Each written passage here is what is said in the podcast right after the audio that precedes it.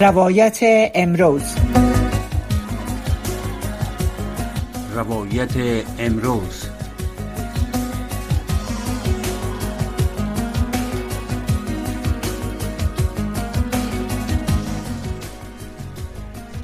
بینندگان محترم شنوندگان محترم.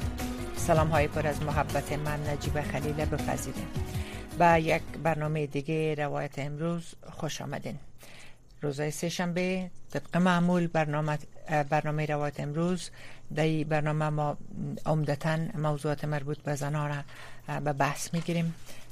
فعالیت های خانم ها را وضعیت زنها در کل در افغانستان و خارج از او.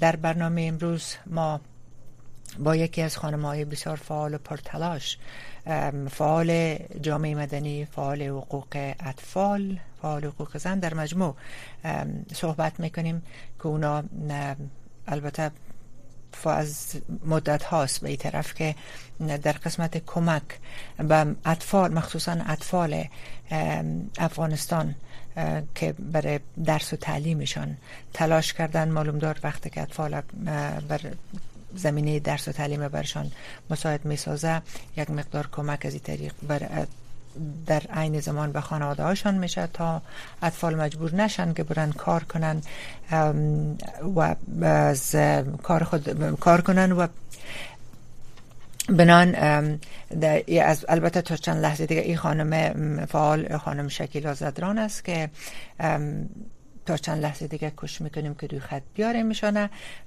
اونا همواره قبل از حاکمیت طالبان سالهای سال به فعالیت خود ادامه دادن و حالی هم که در خارج از امریکا گاه گاه افغانستان میرن. ولد میجه از خودشان خود دوستا خانواده و کسای از نزدیکایشان اینا کوشش می‌کنن که فندریزی کنن یا پول جمع آوری کنن و برای خانواده های نیازمند برای اطفال مخصوصا. اطفال زمینی درس و تحصیل برشان میسر می‌سازه و ضمن یک مقدار کمک به خانواده هاشان میشه تا خانواده محتاج کار اطفال خود نباشن.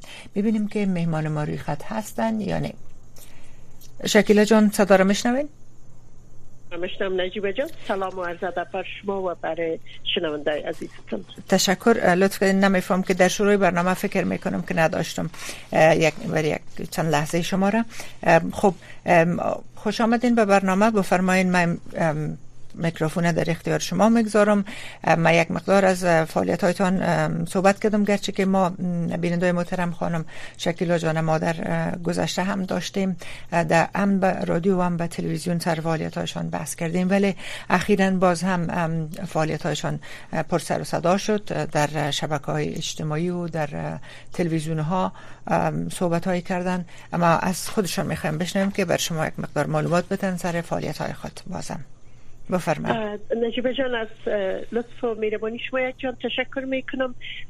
قسمی که شما هم شاید هستین می‌بینین و همکارا و افغانای ما که در سراسر هستن از فعالیت های دفتر ریتولید برای افغانستان. ما یک سلسله کمک های موسومی که داریم که زمستان مخصوصا که سال زمستان بسیار سخت و خراب در افغانستان است کمک های مواد غذایی است که دوست خوشبختانه توضیح چوب داشتیم برای فامیلایی که مواد سوخت نداشتند که مثلا کسایی کتفال دارن. در پولیازی ما یک کود درایف داشتیم که فقط گفتیم که تا آخر ماه مارچ ما توضیح لباس گرم داریم برای اطفال و برای کل مردم که ضرورت دارند. سرکاستن مخصوص که بدون از ما اندای کسی قرار بگذاریم خبر میریم و برشان توضیح می‌کنیم که از قبیل جاکت های گرم زمستانی است جراب است دستکش کلاه پاپوش و اینا است.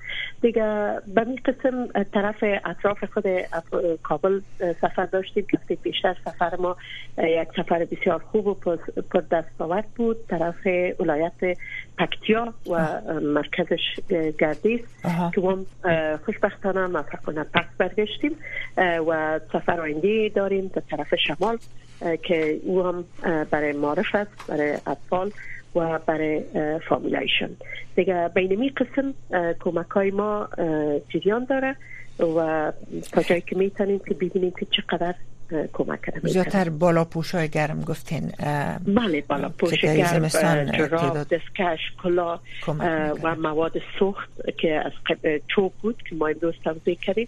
و در پولی از این برنامه خود که برنامه کمکی است کورسای زمستانی شش ماه را ترتیب داده بودیم که امیال جریان داره و ای برای اطفال بی و غریب سرسرک که ما راجستر داریم.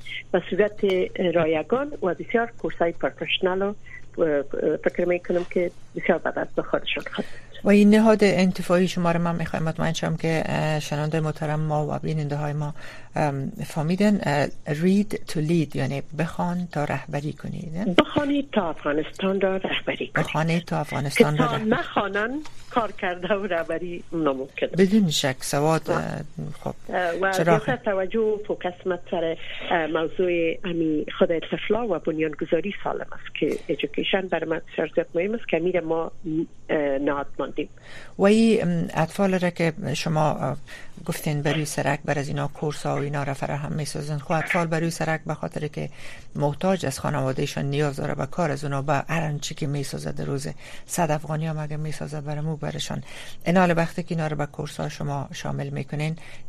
خانوادهشان هم یک مقدار پول میتین اون پول رو کار می‌کنه برشان کمک می‌کنین تا اونا حداقل به اصطلاح چیز نیاز نداشته باشن. بله؟ ما تفلار که سر سرک منظور که ما میگیم تفلای سر سرک یگانه ریسورس که ما تفلار یافته می‌تونیم از سر سرک است. که یعنی بی ترین و بسیار بله. مجبورترین تفل سر سرک می باشه که بعد از یک مصاحبه بعد از اینکه همه چیزای بک‌گراند از اینا رو چک می‌کنیم و اینا رو داخل پروگرام قسم می‌سازیم که تفلا اول بیاین داخل کورس ها شود درس بخونن از سر سرک و با فامیلایشون که ما مصاحبه می‌کنیم و اینا را راجستر می‌کنیم.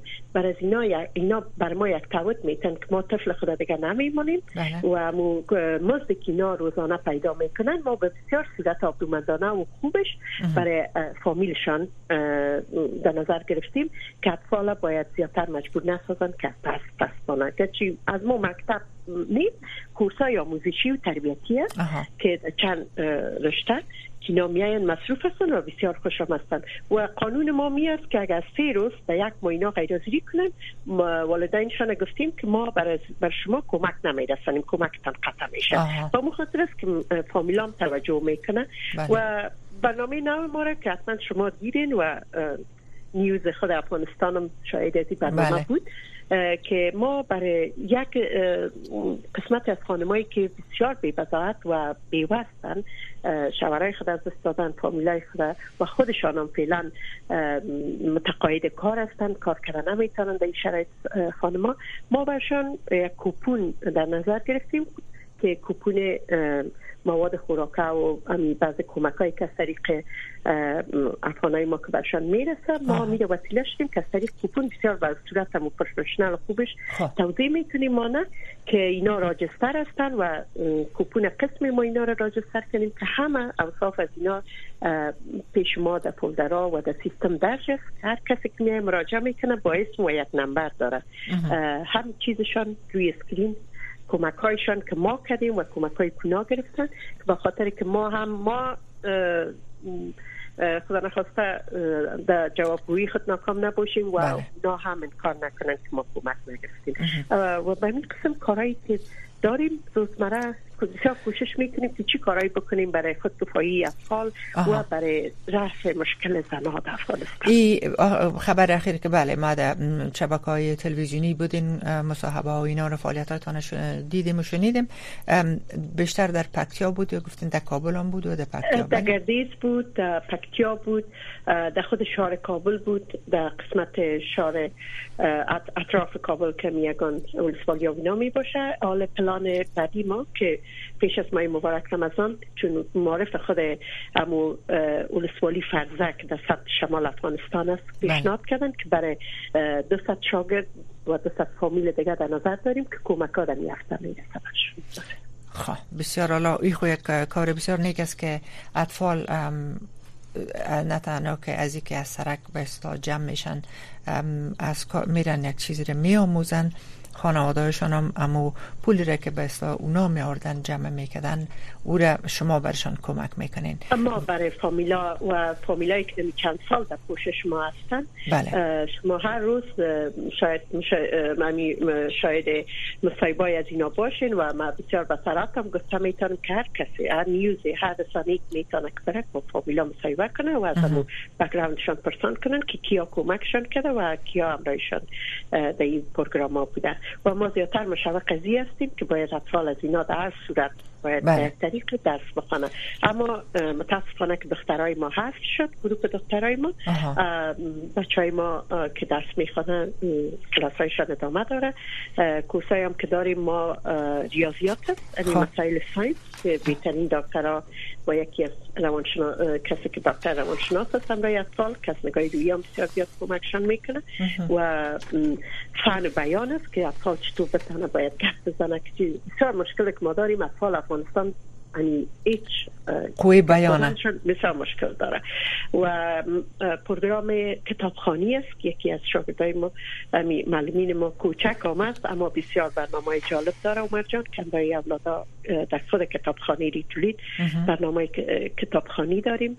و پروگرام رسامی که از کوچه تا تابلو تا از کوچه تا تابلو یک برنامه داریم که او پروگرام ما را جمشید جان پیش می‌بره که او کسی که خود از اون سر بچه دستان بود من سر سرک آوردم بس هفت سال است هشت سال است که ما زیر تربیت ما بود آل خودش معلم است.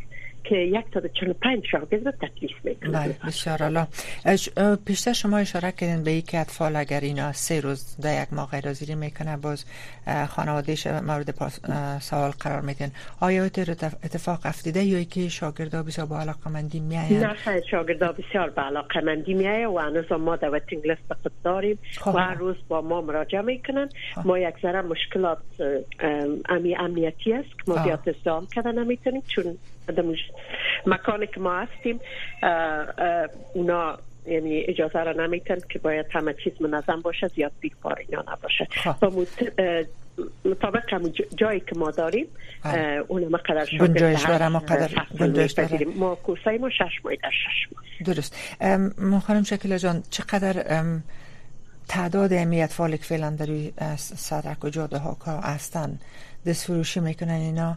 چقدر از زیاد است زیادتر شده کمتر شده با بد شدن یا شکایت هایی که از بد شدن اقتصاد افغانستان یا ضعف اقتصاد اقتصاد ضعیف افغانستان هست. معلوم دار مردم بیرون می‌برن اولادا و طفلا بر جاده ها می‌برن زیاد شده کم شده چه رقم است که می‌بینید مشکلاتی که هر روز خودم برای هر روز از طریق کار خود از اینجا دو ساعت در سکایپ است من اطفال والدین در افغانستان. از برداشت خود من نظر به که گذشته که ما سفرها داشتیم رفتیم اینا رو دیدیم امسال بسیار یک سال زمستان بسیار خراب است بر افغانستان. اولی که یک در مادرایی که کارگر بودن ناناور خانه بودن اونا متقاعد هستن. و بدبختی دوم ازی که یک تعداد طفلایی که مثلا نو رجوع کرده بودن که باید مکتب بودن و علاقه بگیرن اینا اونا دوباره متقاعد شدن در این جاده هستن و بر علاوه که اینا گدایی می‌کنن یک عمل دیگه که مثلا اینا در جمع کردن مواد سوخت و مواد خوراکه از همین جایای نامناسب است. و وضع اقتصاد بیاد خراب است کار نیست زمینه کارم حالا مساعد نیست. برای مخصوصا برای طبقه زن که سابق قدقل زنا و شاروار کار می‌کرد یا به جایی که کار می‌کردن. دیگه به مو حساب برای یک تعداد مادرایی که خودشان نانآور خانه بودن در خانه بسیار زیاد وضع زندگی رقت بار است. شما پیشتر بله. اشاره کردین خوب در جمع از کسایی که دی کورس هایتان بود من دختر و پسر بود اما گفتین دخترها حذف شده.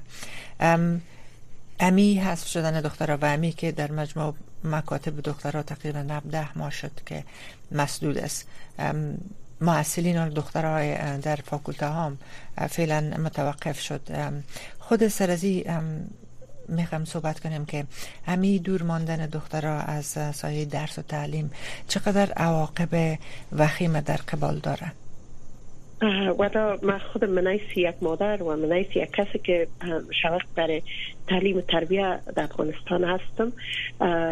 نه تنها در افغانستان در هر جای هر مادر علاقه داره که اولادش یعنی دست بخونه و ترقی کنه و خودکفا باشه اما بدبختانه در یک ما.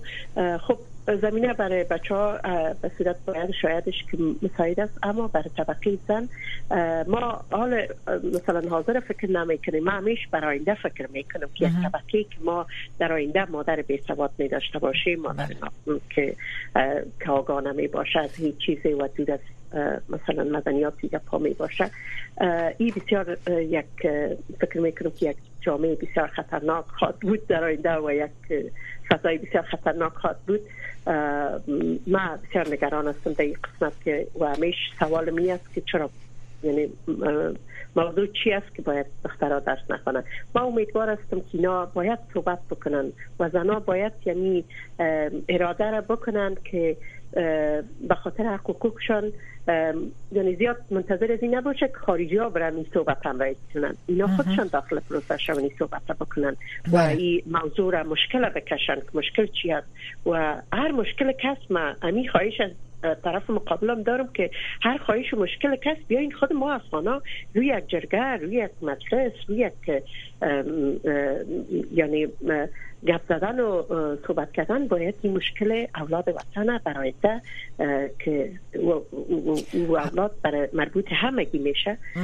آیندهش ما باید صحبت بکنیم.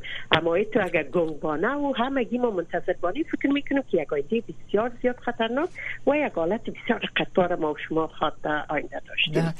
با خانم ها البته با فعالین حقوق زن با خود شاگردان محصلین اینا خانم ها دخترها اکثرا که صحبت کردیم و پرسیدیم که شما خودتان تلاش کردین که با مقام های طالبا صحبت کنین مشکلتان سوال امی شکایت هایی که دارین یا سوال هایی که دارین در ذهنتان است که چرا مکاتب باز نمی‌کنن؟ امروشان تماس گرفتین باز گفتن که دیگه مراجعشان اصلا پاسخ نگفته و تنها امروی یک سخنگوشان که آقای زبی اولا مجاهد است که گفتن یکی دو بار اگر اونا فرصت داده بسیار کوتاه برشان گفته که من قریب به زودی سرش کار میشه. خب این بنان این دروازه بروشان به اصلاح گفته خودشان میگن که در بس بسته است روی ما که هیچ کس نمی‌خواه میگم روی ما صحبت کنم وقتی که به اعتراضات می‌پردازن سرکوب میشه اعتراضاتشان میگن. که تقریبا درست یک روز بیشتر در میز ظرف چند هفته از تخار چندین گزارش داشتیم. مظاهرات دخترها در کابل در هر جای. اینا دیگه چی کده می‌تونن این خودش یک سوال است. ثانیا وقتی که امرای طالبا صحبت می‌کنیم اینا خب البته در ابتدا دلایل یعنی تا دلایل بسیار مختلفه. گفتن که سر مکانیزم کار می‌کنیم. بعدا گفتن بین رهبرا اتفاق نظر موجود نیست. بعدا مسائل فرهنگی ره و گفتن سر نصاب کار می‌کنیم. یعنی گفتن که نصاب معرف قبلی اسلامی نبوده. ای که شما در اوج بودین زیادتر در این سالها چندین سال رفتین دیدین که آیا نصاب اسلامی بوده یا نصاب درسی از اونا نیستن. ای انتقاد از اوناست. اما یک چیز را که مطمئنا شما متوجه شدین که طالب ها هیچ وقت نگفتن که ما مخالف درس و تحصیل دختر هستیم. ولی اینی چیزا را این تقریبا نبده یا ما میشه که بسته شد دو سال یعنی حدود دو سال اما حیات دخترها درسشان از پیشان ماند. اتر برداشت که میشه ایست که میگن طالبا اصلا دیگه از تحصیل دخترها بالاتر از سنف شش دیگه به باورمند نیستن دیگه میگه نیاز نیست که اینا برای درس بخوانن. باید آماده بسازن خود به خانداری و شوهرداری و این مسائل. آیا شما چون این چیز رو باید فعال جامعه مدنی فعال حقوق اطفال مثلا بعد از سنف تا اجد از دخترای زیر سن اجده طفل هستن؟ سو بخاطر آیا شما هم همینطور یک چیزی را درک می‌کنین که یا در نهایت فکر می‌کنین طالبا باز خواد کردن؟ شما علت اول خو چی فکر می‌کنین؟ و علتش در چی می‌بینین؟ تا جایی که ما هر روز می‌بینیم و انتظار از داریم که ممکن امروز یا فردا یک تصمیم خواد گرفته شد.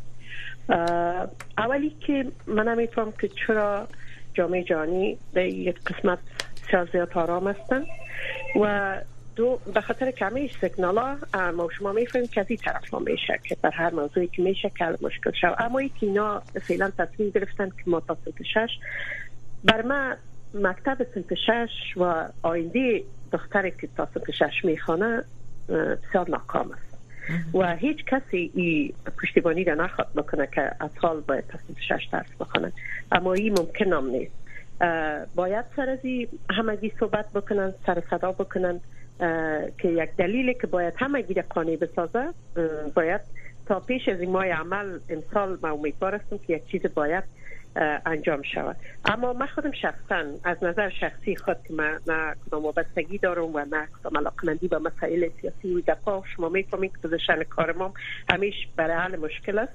ما می‌فهمیم و برای حل مشکل از این موضوعات حتی من خود حاضر هستم که اگر بخواین ما باید یک گروه از خانمای روشنفکر یا که طرفدار تحصیل و تعلیم هستن من ایست از که ما بریم با سیستم افغانی خود چندایشان مشوره بکنیم و یک جواب مثبت برای اولاد ملت بگیریم.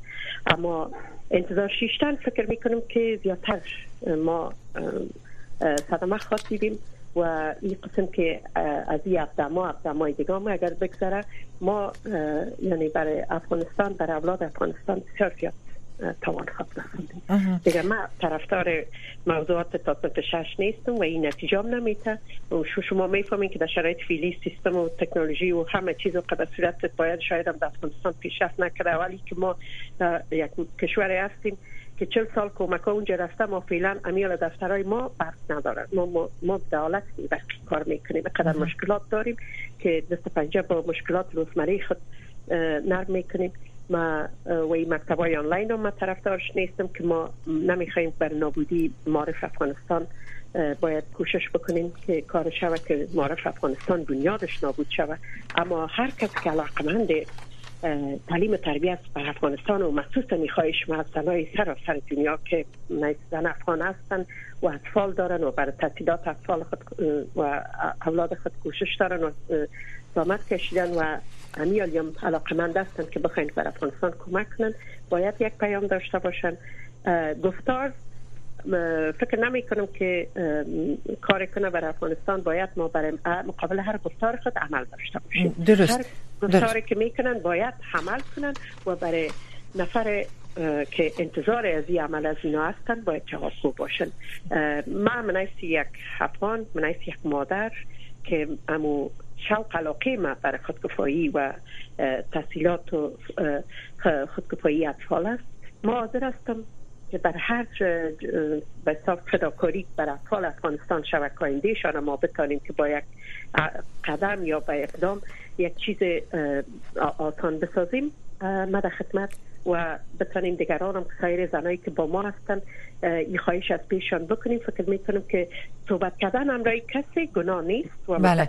کنم جرمم. من نمیدم خانم شکل جان شما گفتین که منتظر نباشن اما که قبلا اشاره کردم که فعالین حقوق زن زنای بسیار رسیده و فامیده هستن در افغانستان. که صحبت کردیم. امیر گفتن که برشان فرصت داده نشده. نمیتن. وقت دادن. همیشه کسی تلفن ما را گفت جواب بر ما نمیتن نمی‌خواین کسی ما را ببینن که ما بشینیم. شما خودتان که میگین حاضر هستین. اول خودتان تلاش کردین کوشش کردین که تماس بگیرین که تزونا بگوین که من می‌خوایم امرایتان صحبت کنم؟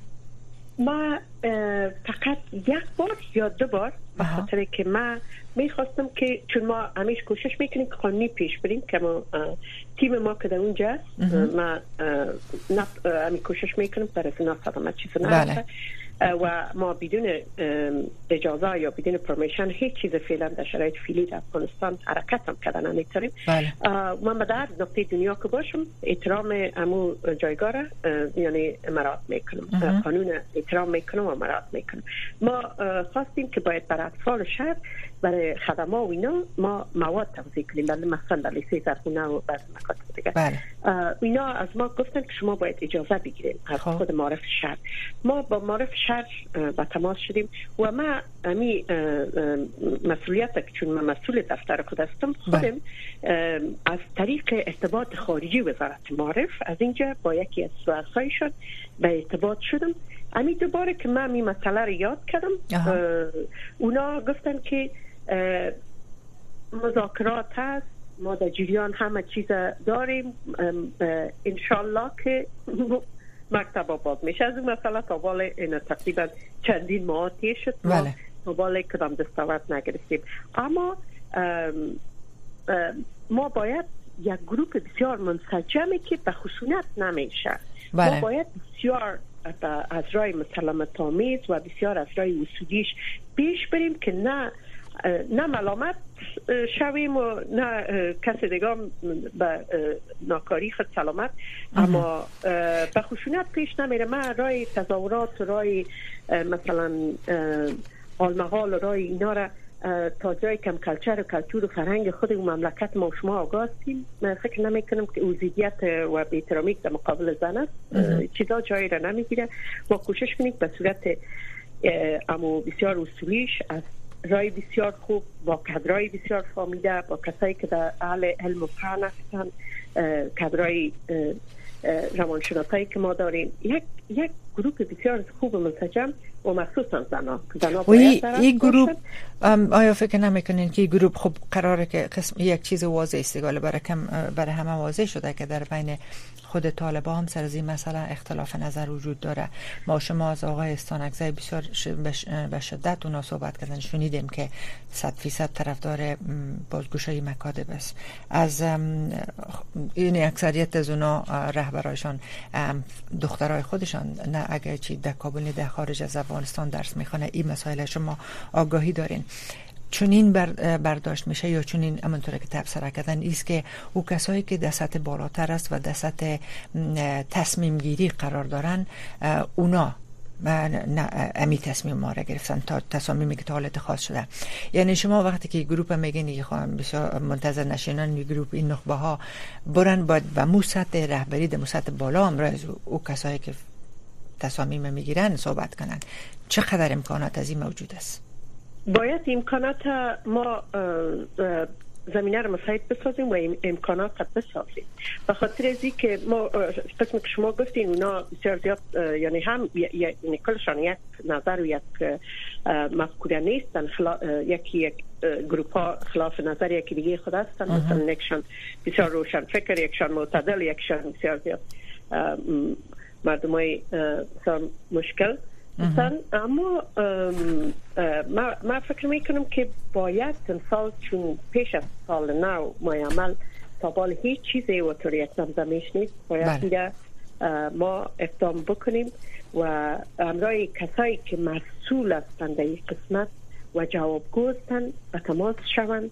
و یک وقت بیرن اگر هیچ نمی‌تونن می‌تونن که یک کنفرانس کال در میان بانن یک زوم در بین از اینا بانن که حداقل از خود از اینا بشنون اگر کدام دلیلایی دارن که نمی‌تونن در پابلیک برای مردم برای ملابه سازن که بله. مشکل است امیر می‌تونن که یک گروه که نمایندگی از مردم می‌کنن مطرح بکنن که امیر گروپی هم که رفته برای از این مسئله بیاین دیگرها را قناعت بسن بله. که از این سر و صدا و بیتفاقی و عرج و مرج و انتظاری و ناامیدی مردم خلاص شد یک جان تشکر شکل جان از فعالیت هایتان موفق باشین در راستای خدمات بشری و انسانی که شما انجام میتین در فصل زمستان مخصوصا برای افغانستان. اطفال بی بزاعت خانوادهایی که محتاج هستند شما کمک میرسانین. موفقیت های بیشترتان در این عرصه خواهان هستم و انشالله بازم به زودی در برنامه دیگه تلویزیونی با شما صحبت های خواهد داشتیم. یک جان تشکر از شما و از رادیوی شما. کمیش در پوشش داشتین مرا روز شما بخیر. خدا سلامت باشین. خدا نگهدارتان.